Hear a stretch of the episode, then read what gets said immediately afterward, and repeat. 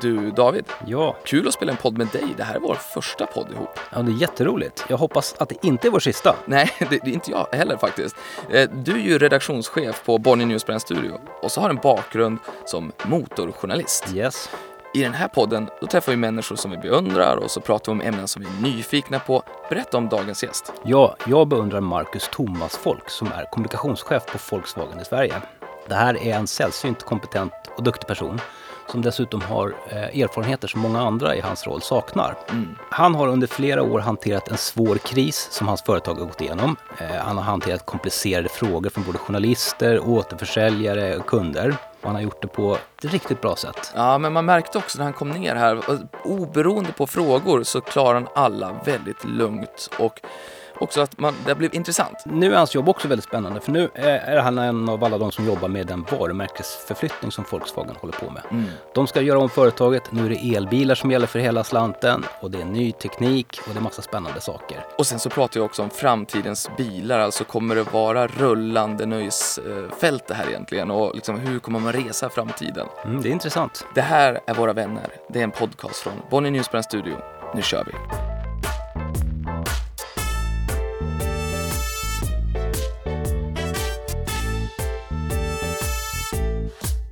Hej och välkommen Marcus! Hur är läget?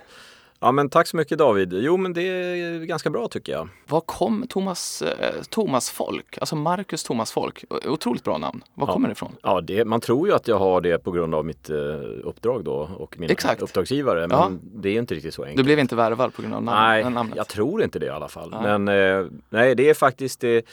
I Finland finns det ju en svenskspråkig minoritet och eh, det kommer därifrån, från kusttrakterna. Jag kollade upp det innan eh, och så kollade jag ifall vi hade några gemensamma vänner. Men det gick ju inte att se det för att du hade liksom dragit upp säkerhets på din Facebook-sida så att vi kunde inte se dina vänner. Nej. Är det medvetet? Ja, Ja. jag tycker att det är en integritetsfråga väldigt mycket faktiskt. Mm, mm.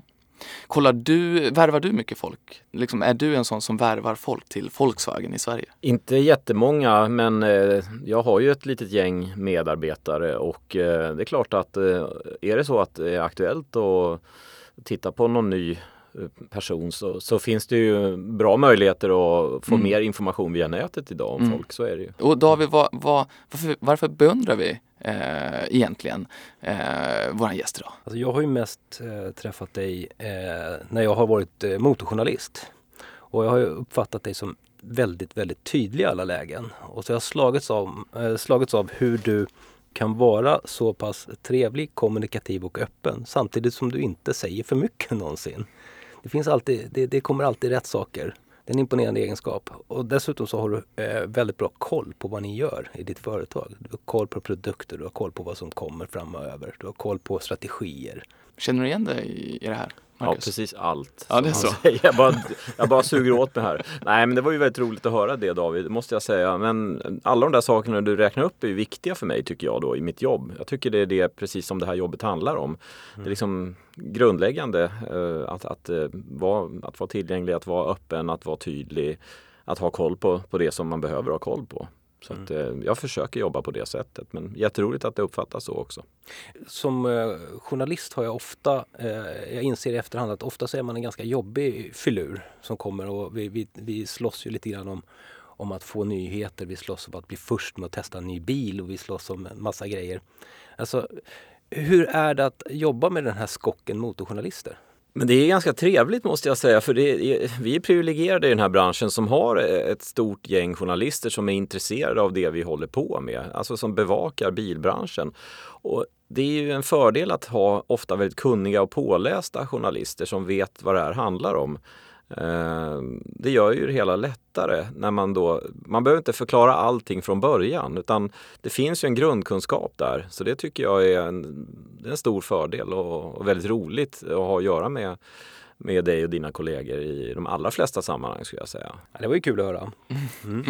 Vi eh, har liksom lite så här snabba frågor som vi brukar inleda med just för att lyssnarna ska lära känna dig lite mer innan vi går in på de, eh, de ämnen vi ska snacka om idag. Då.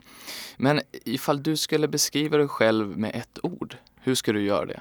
Det är ju jättesvårt men jag har tänkt på, det där en del och jag skulle nog säga pålitlig.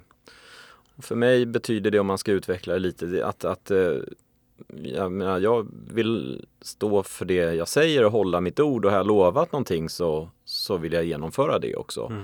Det tycker jag känns jätteviktigt. Om du går med på att alla föddes med ett syfte, vad är ditt kall i livet?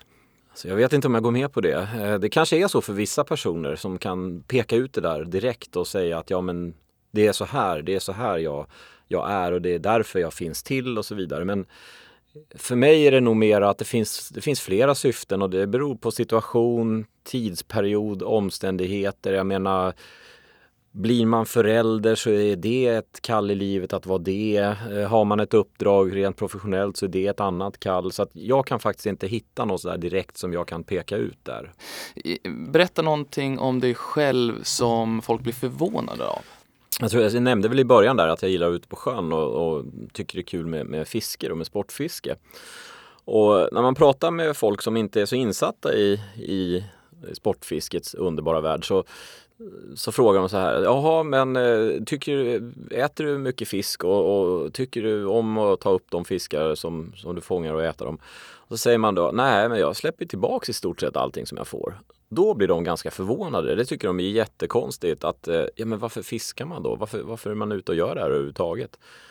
Fast det är klart, är, är man lite intresserad så då, då förstår man ju att det är ju en hobby. Liksom. Det, är- det, det är inte syftet att få mat på bordet utan det, det är ju något annat som, som driver en där. Mm, just det. Har du liksom en sån bild med dig och en fisk inramad? En bild. Jag har, ganska, det. jag har ganska många sådana bilder. Inte inramade faktiskt. Nej, okej. Nej, det har jag Nej. inte. Men, men det finns rätt många bilder då där man ja, står med någon Mm. fin fisk som man har fått. Får du ha den i vardagsrummet eller måste du ha det i ditt eget lilla rum? Eh, det får jag inte ha. Det, det finns inte i, på någon vägg hemma hos Nej, det är inte det, Nej, nej. det gör Nej. det inte faktiskt. Nej. För oss som inte kan så mycket om fiske och sådär, då, då blir det en naturlig fråga så här, hur stor fisk har du fångat? Ja, alltså den största fisk jag har fångat det var en, i Norge. Eh, det var en torsk som vägde 22 kilo. Men den jag kanske mest stolt över det var en gädda som vägde nästan 14 kilo. För att det är gädda som är, det är ju kanske det som jag fiskar oftast. Så att, eh, och det är en ganska stor gädda så att det, det, det är väl min är den bästa fisk jag fått i min karriär. Wow, det är ju som min treåring hemma. Han är ju där någonstans tror jag. Ja, ja man kan ju jämföra så också. Det var Ja. faktiskt det enda sättet jag kan jämföra det med. Eller 14 mjölkpaket är ju klassikern. Ja, det är en klassiker. Ja. Eh, vi fortsätter med de här frågorna då. Eh, du äger en billboard under en dag på något fett ställe. Vad står på den? Ja, då har man ju chansen där verkligen. Men då skulle det skulle vara något bra budskap och då tycker jag att det skulle kunna stå Var, var snäll och respektera andra. Jag tycker att det är alldeles för lite av det idag. Jag tycker det finns, det finns för mycket elakhet. Man kan inte respektera andra, andras åsikter. Man måste peka finger åt andra och det är en ganska elak ton som finns i debatten idag. Jag tror att man vinner mycket mer på att ha en välvillig inställning till, till sin omgivning och till, till folk. Sen ska man inte vara dumsnäll. Men man ska ändå ha en välvilja någonstans. Om du vaknade upp imorgon och hade fått en superkraft, vad hade det varit? Det skulle vara ganska roligt att kunna förflytta sig i tiden. Att eh, ja, alltså förflytta sig in i framtiden men även bakåt och få vara med om några speciella skeenden och se hur det egentligen gick till. Ett sådant exempel kunde ju vara eh, när pyramiderna byggdes. Hur, hur 17 lyckades de egentligen? Jag är alltid imponerad över de här historiska monumenten som finns som man har byggt utan eh, dagens moderna teknik. Jag förstår ju att det gick åt väldigt mycket folk och de mådde nog inte så bra. Det var nog inte så bra eh, koll på arbetsvillkoren kan jag tänka mig. Men eh, ändå är det imponerande att man lyckades. Man skulle också kunna använda det där då till att korrigera misstag man själv har gjort tidigare. Ja, Finns det något du skulle vilja ändra på då? eh, det finns det säkert men ingenting sådär som, som jag kan direkt komma på just nu faktiskt. Du, eh, om du fick välja vem som helst i hela världen, vem skulle du då äta middag med? Alltså jag, jag tycker det är roligt med, alltså jag, jag uppskattar humor mycket. Och eh, jag har alltid gillat det som John Cleese har gjort Ja. genom alla år. Um, han är väl inte så aktiv längre, han kör väl en del föredrag och sådär tror jag. Men det hade varit roligt att träffa honom och äta middag med honom och höra lite, alltså han var verkligen en föregångare när det gällde humor tycker jag. Eh, Så vet inte jag om han är rolig privat, det har jag ingen aning om. Men eh, jag kan väl få hoppas att han är det i alla fall. Jag tror att det hade kunnat bli en trevlig middag. Jag får upp en sån där pang i bygget-bild framför mig nu, middagsborden där. Ja, Det kan bli lite kaos. man såg aldrig honom äta själv middag men han var ju Mm. väldigt bra på att styra och ställa där i restaurangen och flytta Mm. gäster och så vidare. Så att, eh, nu får vi se om, om man skulle vara så då när man sitter ner och äter med honom. Det vet jag inte. Jag tror att han skulle funka fortfarande idag. Alltså han är ganska tidlös den fysiska humor någonstans. Jag upptäckte förra eh, veckan när jag tittade med, med mina barn på, eh, på Netflix och så vad ska vi se? Och sen så dök Mr Bean upp. Mr Bean har man ju inte sett på 10 år eller någonting, kanske 20 år. Ja, men det var en nyproducerad film. Lika rolig nu för barn som är 3 till 7 år. Eh, John Cleese, inte riktigt samma kategori men liknande. Men viss humor är ju så här, den är faktiskt tidlös. Annars är det svårt med humor för att det är ju färskvara väldigt mycket. Det som var roligt för tio år sedan kan vara ja, något helt annat idag. va? Men, men vissa saker håller faktiskt. Är, är du besatt av någonting just nu? Jag kan väl bli, inte besatt, men väldigt dedikerad när jag har ett större projekt framför mig. Om det är någonting som ska genomföras. Så blir jag väldigt uppslukad av det och går hårt in för att det där ska bli bra. För det känns viktigt att det ska bli bra. Annars så vill jag inte hålla på med det. Somras så, alltså vi är ju aktiva under Almedalsveckan och det är ett jättestort projekt för oss och det är ju någonting som jag jobbar mycket med och då blir det väldigt mycket att man går in i det där och ja, som sagt jag vet inte om man skulle kalla det besatt men det blir väldigt mycket man, allt fokuseras på det. Hjärnan är där Hjärnan är där, Ofta precis. där i alla fall. Ja, Mm. så är det. Finns det någonting som du är speciellt stolt över? man tänker kanske jobbmässigt så jag är ganska stolt över att tillhöra en organisation som har varit med om en stor kris och som har lyckats vända det och som har gått in i någonting helt nytt. Eh, där vi tror oss komma att förändra mobilitetsfrågan ganska ordentligt genom det som vi tänker göra. Och på väldigt kort tid också, eh, måste man säga. Säger jag som utifrån, för det kanske känns som att, att eh, från kris till någonting nytt har tagit lång tid, men utifrån så måste jag säga att eh, kort tid faktiskt. Ja det är det ju faktiskt. Det är fyra år vi pratar Mm, om. Och allt det som har hänt på de här fyra åren det är ju Ja det är egentligen ganska otroligt. Det, var ju, det är fyra, drygt fyra år sedan va? Ja det var ju september 2015 då om du tänker på September. vår kris så är det ju nästan fyra år sedan. Då brakade den här nyheten, eh, eller nyheten, eh, det, det, här, det här stora skeendet drog igång. Snöbollen började rulla och vi som då satt på nyhetsdeskarna runt om eh, fattade ju ganska snabbt att det hände ju stora saker eh, för er. Hur, hur skulle du beskriva det hela? Vad, vad var det som hände? Jag kommer ihåg det här när, när det hände det var Vi var i Frankfurt på bilsalongen som var då den, den här veckan och vi kom hem därifrån vi hade haft en väldigt lyckad salong med nya bilar som vi hade visat upp och mm, allting kändes som det var väldigt på topp. Så att, Minns tydligt då en fredagkväll som jag satt hemma i tv-soffan med ett glas vin och var ganska avkopplad. Och så ringer telefonen och det är en reporter från, jag tror det var Aktuellt.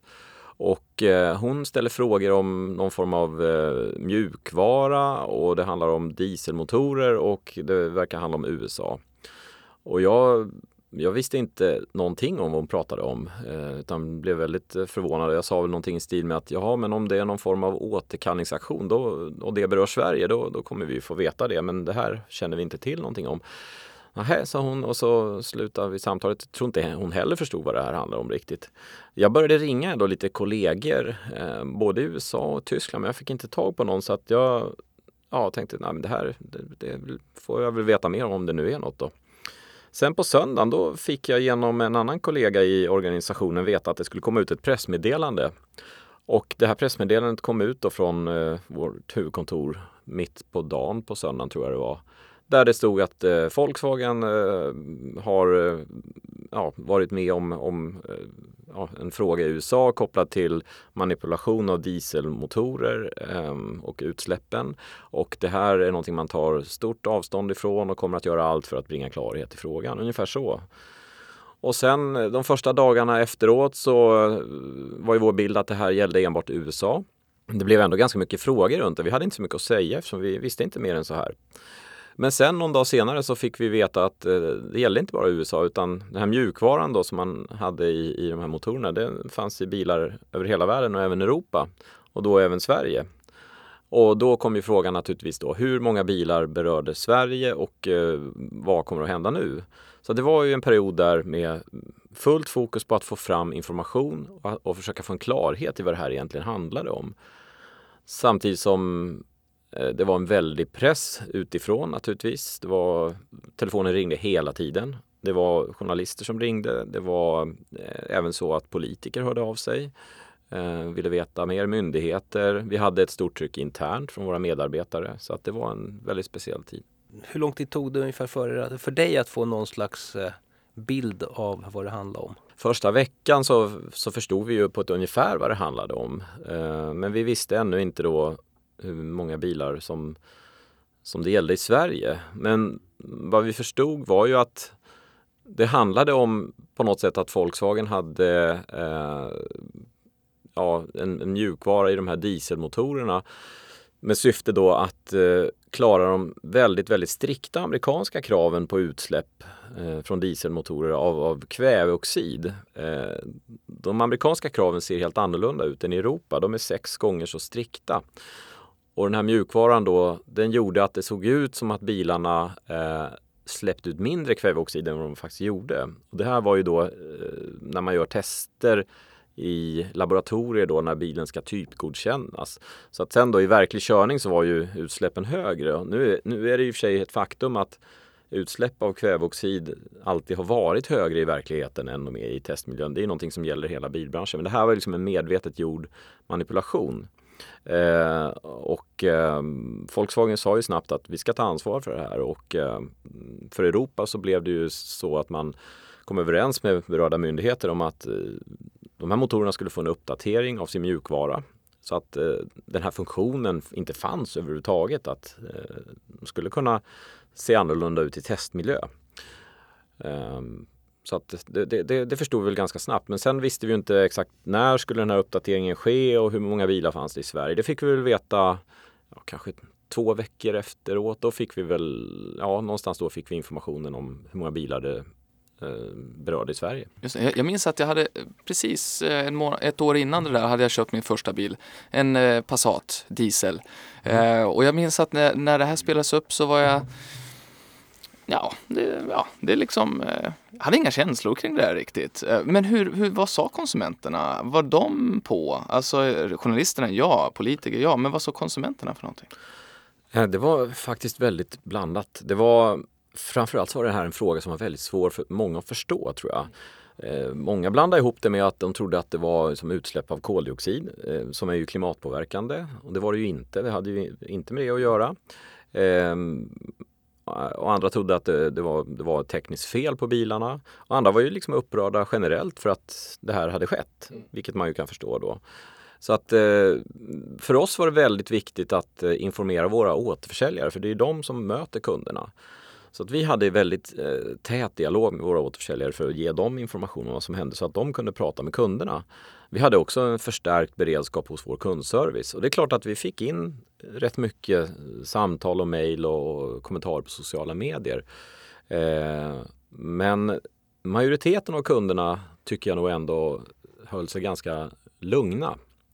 Sen finns det alla möjliga reaktioner i ett sånt här sammanhang, så är det ju naturligtvis. Jag är lite nyfiken på din roll när du sitter där, blir bombad av eh, frågor från journalister, du blir bombad av frågor från politiker och så.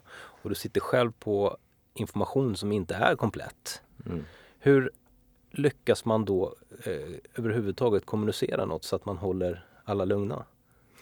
Jag tror att man måste vara väldigt ärlig och transparent i ett sånt läge och helt enkelt förklara det att det vi berättar nu, det är det vi vet. Och vi jobbar på att få fram mer information och när vi har någonting mer att berätta då lovar vi att vi ska återkomma med det och, och sen verkligen göra det när man har tillgång till den informationen. Sen till exempel frågan om antalet bilar. Det jobbade vi ganska hårt med. Man kunde tycka att det var lätt att veta och det fanns spekulationer i hur många bilar det var i Sverige som inte alls stämde. Men jag minns att vi låg på ganska hårt där mot, eh, mot Tyskland i, i den frågan. Eh, och, och, så när vi fick fram eh, siffrorna då, då gick vi ut med dem omedelbart. Eh, det var en kväll till och med. Så fort vi hade gått ut med det så ringde Ekot, så det blev liksom intervjuer sen kväll där. Eh, vi skulle även träffa politiker dagen efter så det var viktigt att vi hade den bilden tyckte vi då. Så att, Eh, nej men det är, det är alltid svårt. Alla vill veta vad som har hänt och alla vill veta hela, hela bilden men ibland kan man ju inte ge den. Men hur kändes det för dig personligen när du satt där och bara hade så här mycket att servera och så? Kände du dig otillräcklig eller kände du dig, var du en professionell bubbla? Det är lite både och. Man går in i en bubbla väldigt mycket. Man får lite tunnelseende och man blir väldigt fokuserad på det man håller på med. Men eh, klart att det är frustrerande eh, när man inte riktigt kan säga allting som man skulle vilja säga för att man, man inte vet helt enkelt. Men eh, så är det ju ibland att, att, att det är på det sättet och då måste man ju hantera det. Och jag tror att de flesta fick förståelse för att vi i den svenska organisationen, vi, vi är ju beroende av att få tillgång till information från våra huvudmän också. Vi är ju en del av det här och, och det är inte en svensk fråga, det är en global fråga tänker mig, det, det, kan ju antingen vara äh, ångest äh, i din roll här nu då, att man får ångest över att man inte är otillräcklig, att man inte har svaren och att vi har gjort någonting fel och så vidare. Eller så är det här det man lever för som kommunikationschef. Alltså att nu är ju spotlighten på oss, nu gäller det att leverera här. Eh, var, var, du någonstans, var var du av de här två? Det där är faktiskt en jättebra fråga för att jag kommer ihåg det och en kollega som jag pratade med kommer ihåg det här också. På våren innan det här hände så hade vi väl någon minikris med någonting som hade hänt och då sa jag till den här kollegan att det är faktiskt ganska bra när sånt här händer ibland för då får man ju, då, då skärper man till sig extra mycket så att det kan vara lite uppfriskande att ta i de här svåra frågorna ibland också. Men det här kanske blev lite för mycket av det goda då. Det, det, så hon brukar påminna mig om det ibland att ja men du gillar ju det här med kriser och det var väl kanske att ta i men, men eh, när man är mitt inne i det så när man inte heller vet vart det ska ta vägen det kan ju kännas ganska jobbigt. Eh, för det, det, det, kan ju vara med andra frågor så vet man ju att ja men vi har ju faktiskt en lösning på det här och, och så kommer det, det här att hända.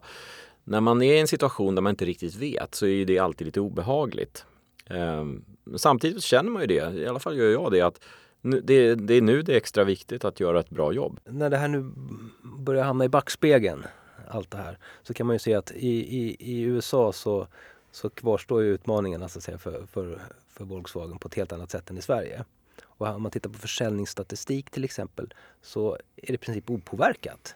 Stämmer det? Det är ju många som har frågat oss om det men det här året när det här inträffade 2015 mm. Så blev det ett rekordår försäljningsmässigt för oss eh, i Sverige. Då kan man ju säga att eh, mycket av själva försäljningen hade ju kanske skett innan det här inträffade då och så kommer bilarna registrerade efteråt. Men mm. även 2016 blev då ytterligare ett rekordår. Så att mm. eh, det är helt sant att eh, försäljningsmässigt gick det väldigt bra. Min slutsats är att någonstans i det här så har ni gjort rätt i er kommunikation. Det är en uh, intressant slutsats och jag hoppas att det är så också. För vi tänkte mycket på det här hur vi skulle hantera just kommunikationen på olika sätt. Men uh, det är väl en slutsats och sen kanske det finns andra svar på det också. Ett svar kan ju vara att uh, det här handlar inte om ett tekniskt problem som ställer till det på det sättet att det blir farligt eh, eller så eh, för, för konsumenterna. Det var inte ens egentligen faktiskt en miljöfråga. Det var inte så att de här bilarna släppte ut mer än andra bilar utan det, var mer, det här var mer en som en, en förtroendefråga skulle man väl kunna kalla det för. Men hade det varit så att vi hade varit med om ett problem där det blev liksom farligt, att, att det var bromsar som slutade fungera eller vad det nu hade varit, då tror jag att bilden hade varit annorlunda. Har du kommit till någon punkt när du, när du har känt att nu är det här över? Puh. Ja, det, fortfarande så är det ju en fråga som finns med oss. Alltså det, det gör den. Vi, vi ser ju att det, det är fortfarande olika juridiska diskussioner runt om i världen och så vidare. Men vi har väl kommit dit hän att eh, när vi pratar om vår elbilsatsning och annat så, så är det mer och mer sällsynt att eh, frågorna inleds med frågor om dieselkrisen. Eh, vilket ju var mera frekvent förut och i början så handlade ju allt om det. Men sen har ju det klingat av. Man har börjat liksom blick, precis som vi gör också, blicka framåt och börja förstå att Volkswagen är ett företag som har ställt om fullständigt och det är ju mycket, får jag säga, tack vare den här krisen eh, som stora förändringar har gjorts. Ifall du tittar tillbaks nu på, på den här perioden, vad är du, ska säga, eh, vad är du mest stolt över eller vad, minns du något beslut som, eller någonting ni gjorde som var bra, som du tar med dig och samtidigt någonting som, ah, det där borde vi ha gjort annorlunda? Minns du någonting sånt? Ja, jag minns att eh, det var ju så här att eftersom det här var en global kris, inte en svensk kris, så är det klart att eh, vi också måste följa vissa riktlinjer. Vi kan inte springa iväg och hitta på våra egna slutsatser kring saker och ting. Men eh, det fanns en period där ganska tidigt när det var liksom svårt att, att eh, ehm, göra några mer omfattande uttalanden. Men det var ju det här när vi fick info om antal bilar och så vidare. Då valde vi att eh, kalla till, eh, bjuda in till ett antal intervjuer med större medier för att liksom ge vår syn på det, det vi kunde säga. Och att vi tog det beslutet och gjorde det här under en hel dag. Vi städade liksom av det här genom att bjuda in ja, de större medierna i Sverige och gav vår, vår, vår syn på det. Det gjorde att vi liksom kunde ta ett steg vidare efter det. Mm. Så att det, det, där var ju någon gång i slutet av september. Om du eh, sammanfattar vad du har lärt dig av det här. Finns det några korta punkter som du skulle vilja dela med dig av till andra som kommer att hamna i liknande situationer? Ja, det är några saker och det är ju en, en viktig sak. Det är ju att jobba på sina relationer med sina intressenter innan det uppstår en kris. För att eh, genom att man gör det, då har man ju en trovärdighet att falla tillbaka på. Och jag kan väl säga så här att eh, vi hade jobbat hårt med frågor kopplade till miljö och hållbarhet innan det här inträffade.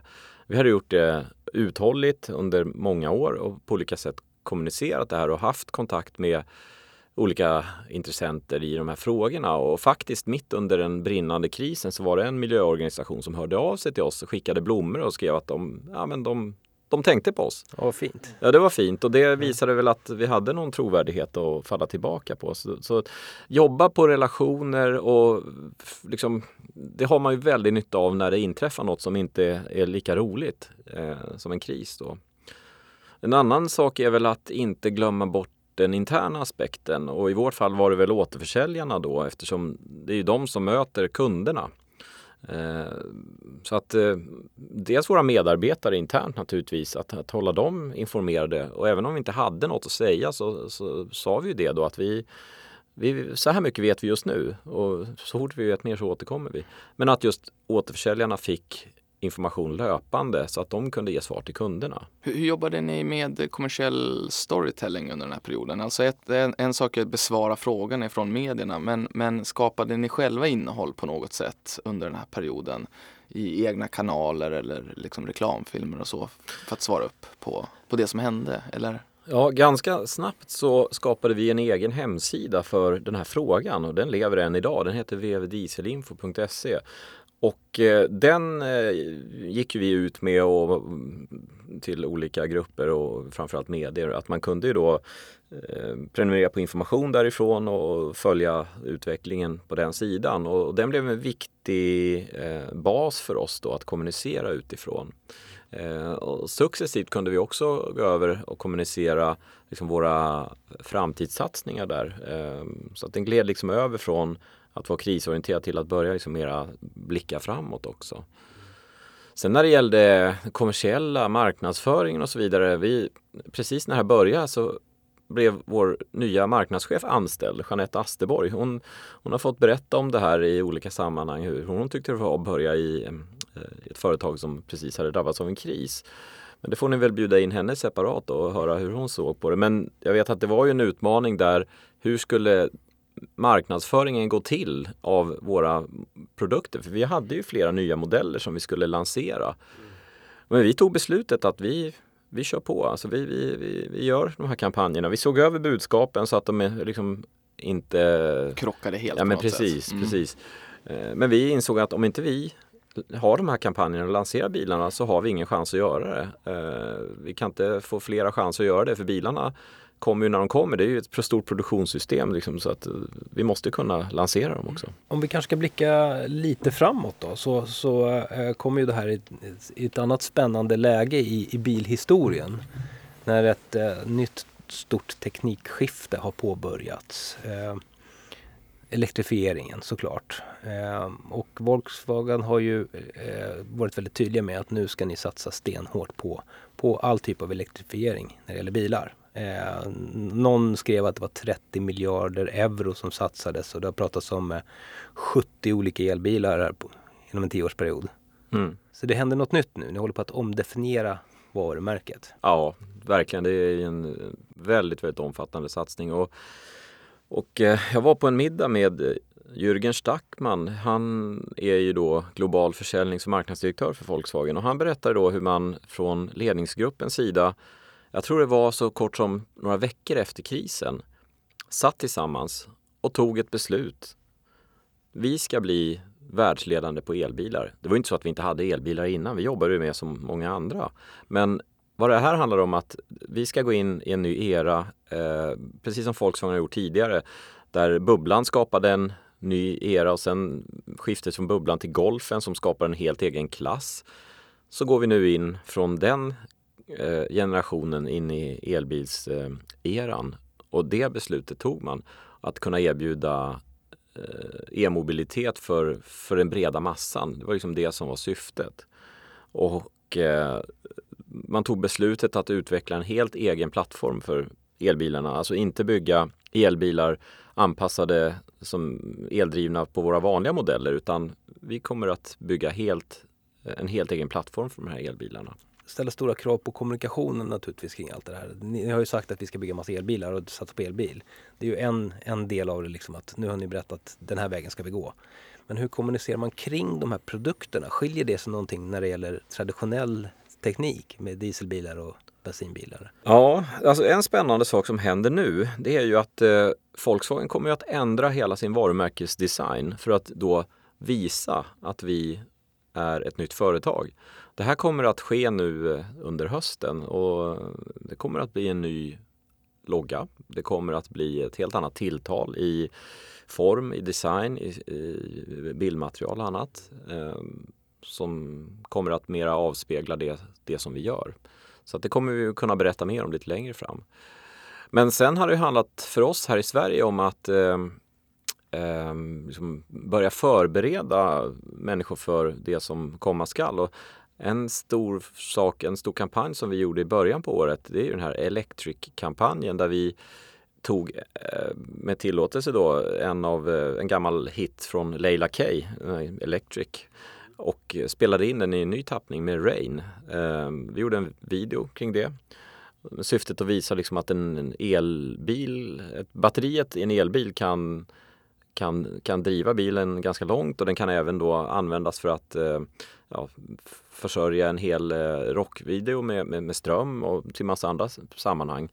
Och eh, vi visade egentligen ingen modell utan vi, vi pratade mer om elektrifiering i den här och vi visade ju videon he i sin helhet, alltså tre minuter lång, på prime time i TV4.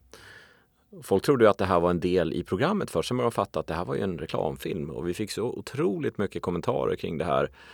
99% positiva. Alltså det här var ju det här var ju någonting speciellt tyckte, tyckte folk.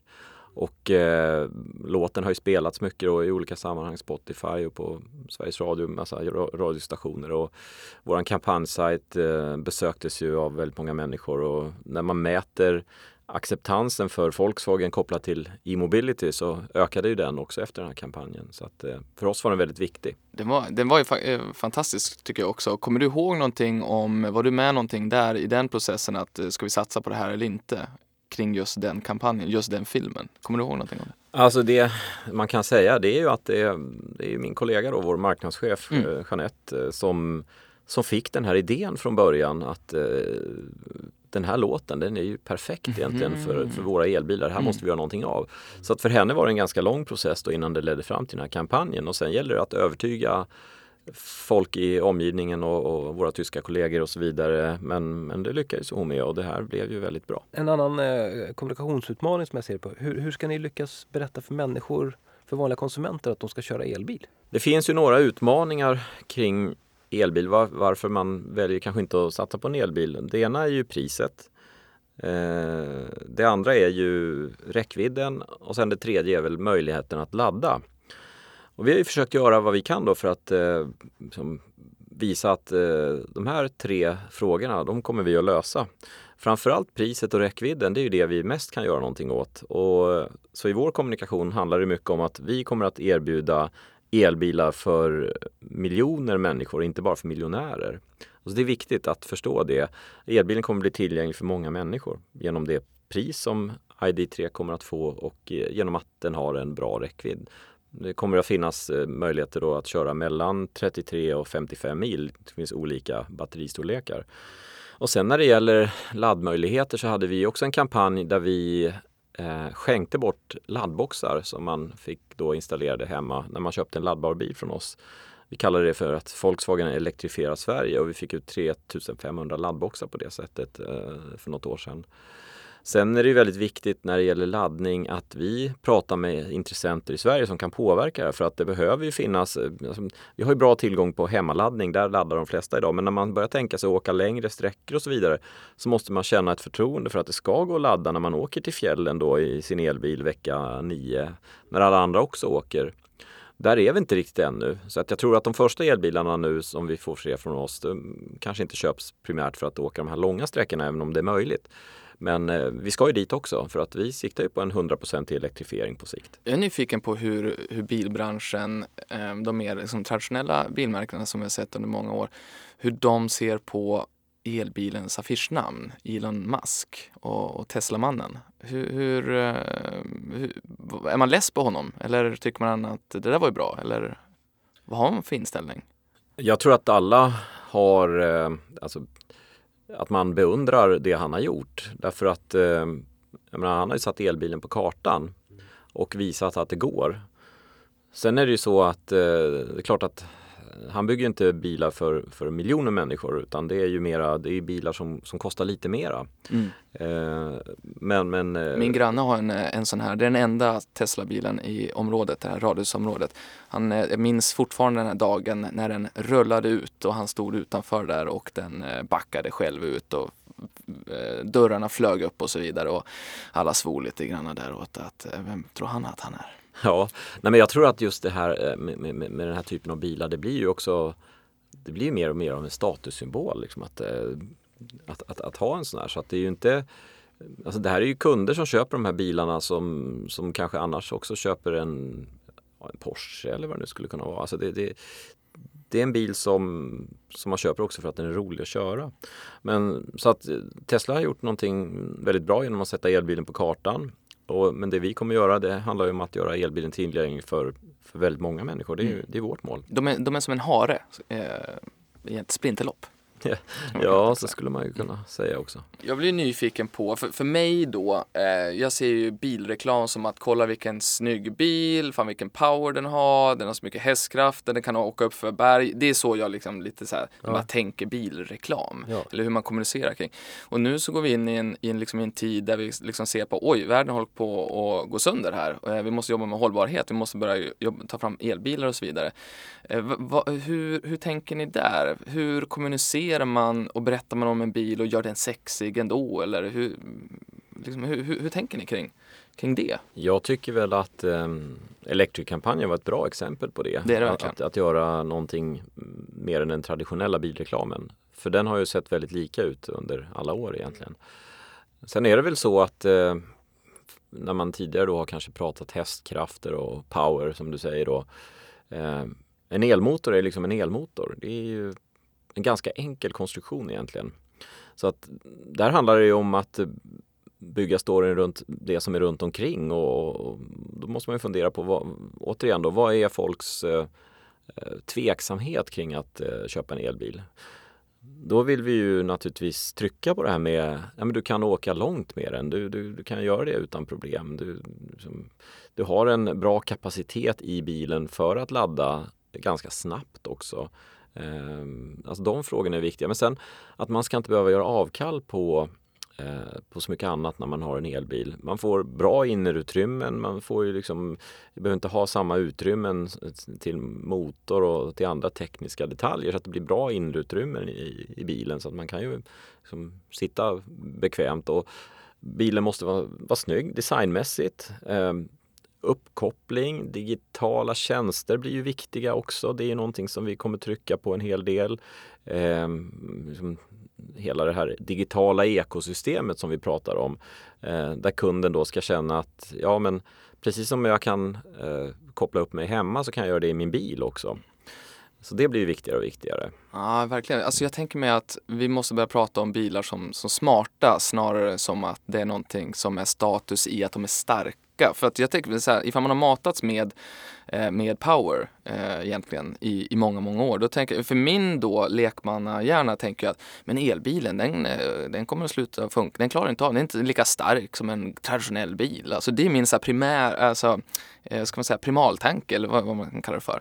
Eh, att, att den inte, och det kanske är så många tänker. Egentligen är det ju tvärtom för att i en e- elmotor så är det ju så att eh, du har ju vridmomentet tillgängligt från start egentligen. Så Mm. att det gör ju att bilen blir väldigt rolig att köra. Du Mm. har ju bra kraft direkt från, från start. Eh, vi har också försökt visa på det här genom motorsporten. Eh, Volkswagen byggde ju en, en helt eldriven racingbil som heter eh, IDR. Mm, det är också en kul grepp. Precis, Mm. och, och med den då förra året så ville man slå elbilsrekordet i den här berömda backtävlingen i USA som heter Pikes Peak. Det handlar om att köra upp för ett högt berg på så kort tid som möjligt. Mm. Och man, gjorde, man slog ju det här rekordet och man slog till och med det totala rekordet för alla bilar. Mm. Och sen i, i, somras här så ville man också slå elbilsrekordet på den här berömda Nordslingan på Nürburgring i Tyskland dit många människor åker för att eh, testa sina bilar då och köra fort på.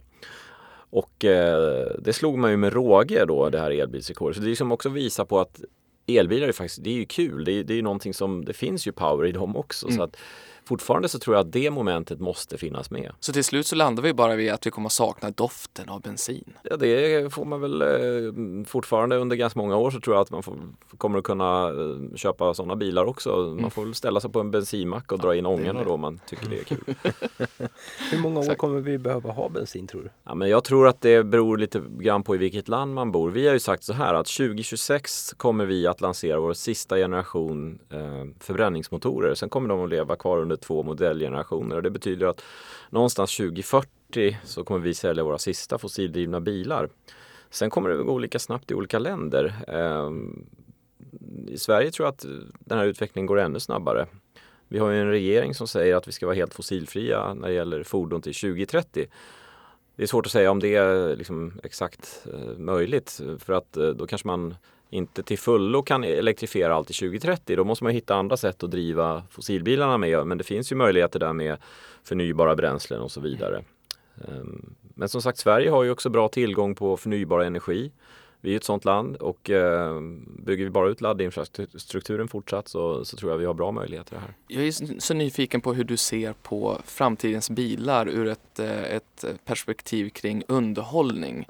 Alltså att ifall, ifall du ser på bilen som att den kommer vara liksom en rullande tivoli Eh, där du går in och sätter dig i, och att eh, där inne kan du konsumera all media som, som finns. Eh, hur, hur, hur, tänker ni, hur tänker du kring det? Man kan ju bara gå till sina barn och för dem är det ju redan så här. Va? De vill ju konsumera allting som finns när de sitter i bilen. Eh, Så att eh, det är ju jätteviktigt att, eh, att ha en, en, en uppkopplad bil då naturligtvis. Sen, sen tror jag att fortfarande så kommer man ju ändå se bilen som, som ett transportmedel och som eh, någonting som löser ens vardagliga mobilitetsbehov. Därför att jag tror ju inte att eh, man kan ersätta bilen med, med så mycket annat. Det, det är klart att man kan bygga ut kollektivtrafik och man kan cykla i vissa situationer och, och det är bra att göra det också. Men, men fortfarande eh, betyder bilen så mycket för så många människor och kommer att göra det. Så att eh, jag tror fortfarande att man kommer se bilen som ett viktigt transportbehov. Och vad, vad kommer hända i, i din bil? Ifall vi, vi säger att det är 2030, jag vet inte vad, vad Musk sa senast, eh, det ska komma självkörande bilar 2020, att liksom privat och så. Det, jag vet, han kanske har sagt något annat nu. Men, vad, men ifall vi är 2030, kommer vi, eh, då kan man väl kanske kunna tänka sig ändå att vi åker runt i, i självkörande bilar, privata. Ja, det tror jag, men problemet här är väl kanske inte att utveckla tekniken, för den finns ju redan. Det, det finns ju, som, egentligen så, den teknik vi har i dagens bilar är ju till viss del självkörande med att man kan hålla sig innanför sin fil, man håller avståndet till framförande bil och sådana här saker. Men det är också väldigt mycket kopplat till lagstiftning. Ehm, som vem bär ansvaret och hur ska det fungera och så vidare. Så att vi tror att det ligger lite längre fram i tiden då med helt självkörande bilar. Men 2030 då är jag övertygad om att eh, den bil man, man sitter i då, den är ju helt eldriven. Den har en bra räckvidd.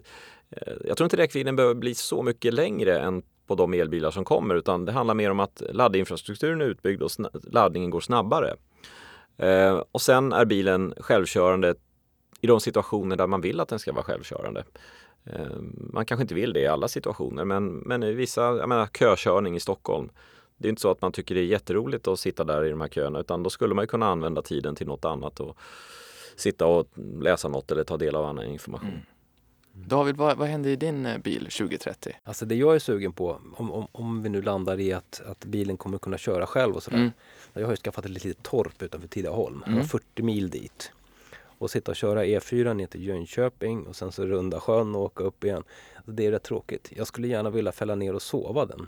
Just det, du sov yes. under den perioden. Då skulle man kunna resa, mm. bädda, bädda ner för, för hela familjen och sen så sova under resan. Så. Mm. Det skulle jag tycka om. Mm, ja, men det är väl en bra vision och det tror inte jag alls är en omöjlighet faktiskt att man skulle kunna se det.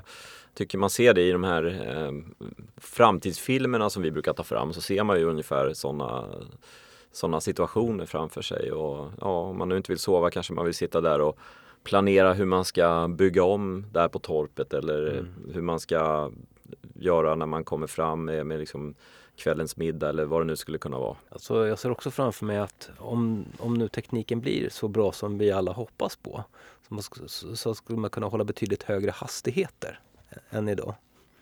Det skulle jag se fram emot också. Mm, just det, just det. det var någon som målade upp någon slags bild någon gång om att man ligger i motorvägståg nästan. Att bilarna lägger sig dikt an mot varandra för att spara energi och mm. så ligger de i 200 km i timmen längs motorvägen. Man kommer fram jättefort. Mm. Mm. Sånt där testas ju redan på den tunga sidan. Lastbilar mm. som testar det här, platooning kallas det ju för. Så att, eh, nej men vet man säkert att man har en eh, bil som, som kan klarar det här så, så är ju inte det då eh, ett hinder längre egentligen utan då skulle man ju kunna tänka sig det. Sen måste ju vägarna vara anpassade efter hastigheten också naturligtvis då mm. så att det måste man ju Det måste hänga ihop med ett bra vägunderhåll och en bra utbyggnad av, av den infrastrukturen också. Så att, men du får ju prata med med Trafikverket om det här helt enkelt. Ja men vi får bjuda hit dem någon gång snart. Nej men det skulle vara jättehäftigt. Jag och Niklas kommer på att vi sticker och käkar lunch i Berlin. Mm. Mm. Ja. Zuff, ner. Eller så får man teleportera sig som Marcus sa förut, fast samtidigt också tillbaks i tiden vad pratar du också om, som superkraft. Hur, hur ser du på, äh, på röststyrning? Jag, har ju då en bil som äh, inte är helt ny, 2013 tror jag, eller 2014 och det jag stör mig på det är att jag inte kan prata med min, min bil. Hur, hur, hur, ser ni på, på den saken? Nej, men det kan man ju göra idag med, när det gäller många funktioner och det är mm. klart att det underlättar. Det är en säkerhetsfråga också. Mm. Istället för att sitta och, och knappa på um, olika funktioner då så, så att genom röststyrning då få hjälp med det man behöver. Det mm. är ju en, en viktig fråga som vi jobbar mycket med. Jag har lite, jag har lite snabba frågor här på slutet. Kör. Ja, vi kör. Omvärldsbevakning, hur håller du dig uppdaterad? Har du någon rutin eller liknande? Vad konsumerar du för någonting?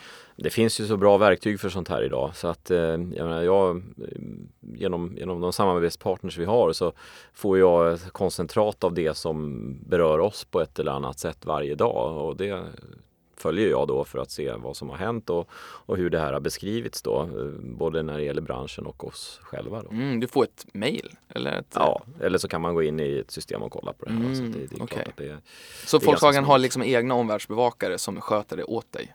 Nej, vi har inga egna anställda men det finns ju företag som jobbar med, mm, med sånt här. Ja. Finns det någon trend inom bilbranschen som vi som konsumenter inte har, har koll på? Det beror nog på hur tekniskt intresserad man är skulle jag säga. Mm. Um, jag tror inte alla har koll på det här med utvecklingen av självkörande bilar. Uh, att det är faktiskt kanske närmare än vad, vad vi tror, även om det inte är här och nu då, men, men att vissa funktioner idag redan är självkörande faktiskt. Eh, det är väl också det här med uppkopplingen där, eh, ja, där, där, vi ser olika möjligheter. Jag menar ta det här med att få sin ja, få ett paket levererat direkt till bilen genom att eh, den som levererar får en kod och kan, kan slänga in det i bilen som är parkerad någonstans. Och sånt här, sådana här saker kommer ju, mm. kommer ju också komma naturligtvis. Mm som kommunikationschef på ett så stort varumärke eh, som du jobbar på, gissar jag att du har ganska fullt upp ofta, att det är mycket som händer. V har du någon teknik själv som du använder dig för att så här, få dig mer fokuserad när det liksom är för mycket? Ja, alltså man måste ju lära sig att säga nej till saker. Så är det ju. För att vi får ju väldigt mycket propåer från olika håll att vara med i olika sammanhang. Alla tycker ju att eh, Ja men eh, just oss borde ni ha ett samarbete med för att det här är jätteviktigt och jättebra. Och det kanske det är men vi brukar ju då säga att ja men tack för, tack för att du frågar, det är jätteroligt men vi, vi är ju redan involverade i de här sakerna och det är det vi vill lägga vårt krut på. Då gäller det att försöka hålla sig till det för det är väldigt mycket nytt och spännande som händer hela tiden men om man skulle säga ja till allt det här då skulle man ju skulle man gå under. Mm, lära sig säga nej. Hur, mm. hur kör du David? Du har ju trots allt så här, ett gäng på 15 personer som, som eh, producerar saker hela tiden. Jag har jättemånga bollar i luften hela tiden och måste hitta mina små kanaler. Och jag, jag har en liten stund på min elmoppe varje dag till och från jobbet. Mm. Och den är eh, faktiskt en bra rening av själ och sinnen för mig. Jag sitter där mina 20 minuter själv hinner tänka klart på det som har hänt med familjen under morgonen och, och sådana saker och kommer till jobbet. Och likadant när jag åker hem så hinner jag fundera de sista tankarna där. Det, det har blivit en stor skillnad i mitt liv sedan jag började åka den, kan jag säga. Mm, det är ju bra det där. Eh, och sen, sen, så har jag också min golf. Det, jag spelar golf. Och, Tror du menar bilen först? Ja, men jag, jag har haft en Golf. ja. Jag tittade faktiskt på en, på en Golf på Blocket häromdagen. Det kan vi prata om sen. Men, ja. men, eh, nej, men att, att, att, eh, att ägna sig åt eh, hobbys och, och, intressen och så är väldigt bra i golf. Man kokar ner alltihopa. Hela livet kokas ner till att jag ska få den här lilla bollen i det där hålet. Det, då stänger man ute mycket och så. Um, jag har en sista fråga. Kör. Ifall du var tvungen att välja en annan bil än Volkswagen, för jag gissar att du bara kör Volkswagen. Vad skulle det bli för bil i så fall? Ja, det här kan ju bli lite speciellt då för att eh, vi är ju en grupp av märken och då vet jag inte om det är okej okay att jag svarar att jag skulle välja eh, då skulle jag nog köra något av våra andra märken. Mm. Så, det är det som är så bra. Vi har ju liksom... Och vilket, skulle vara, vilket av dem skulle det bli då? Jag har ju jobbat med Audi tidigare mm. också. Mm. och jag jobbar i och för sig då med, med hela gruppen uh, faktiskt då, i vissa situationer också. Så mm. att, uh, nej men jag har väl en, liksom ett, ett, ett, ett hjärta där också. Så mm. det är klart att det, Vilken modell hade du?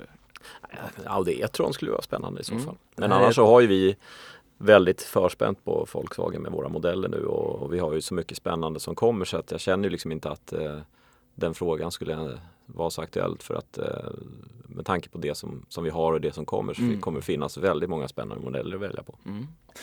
Marcus, mm. stort tack för att du kom hit. Det var ett stort nöje. Eh, och eh, tack till alla som har lyssnat. Eh, följ oss på, i sociala medier, eh, B-Brand Studio Podcast och eh, prenumerera på oss. Vi hörs.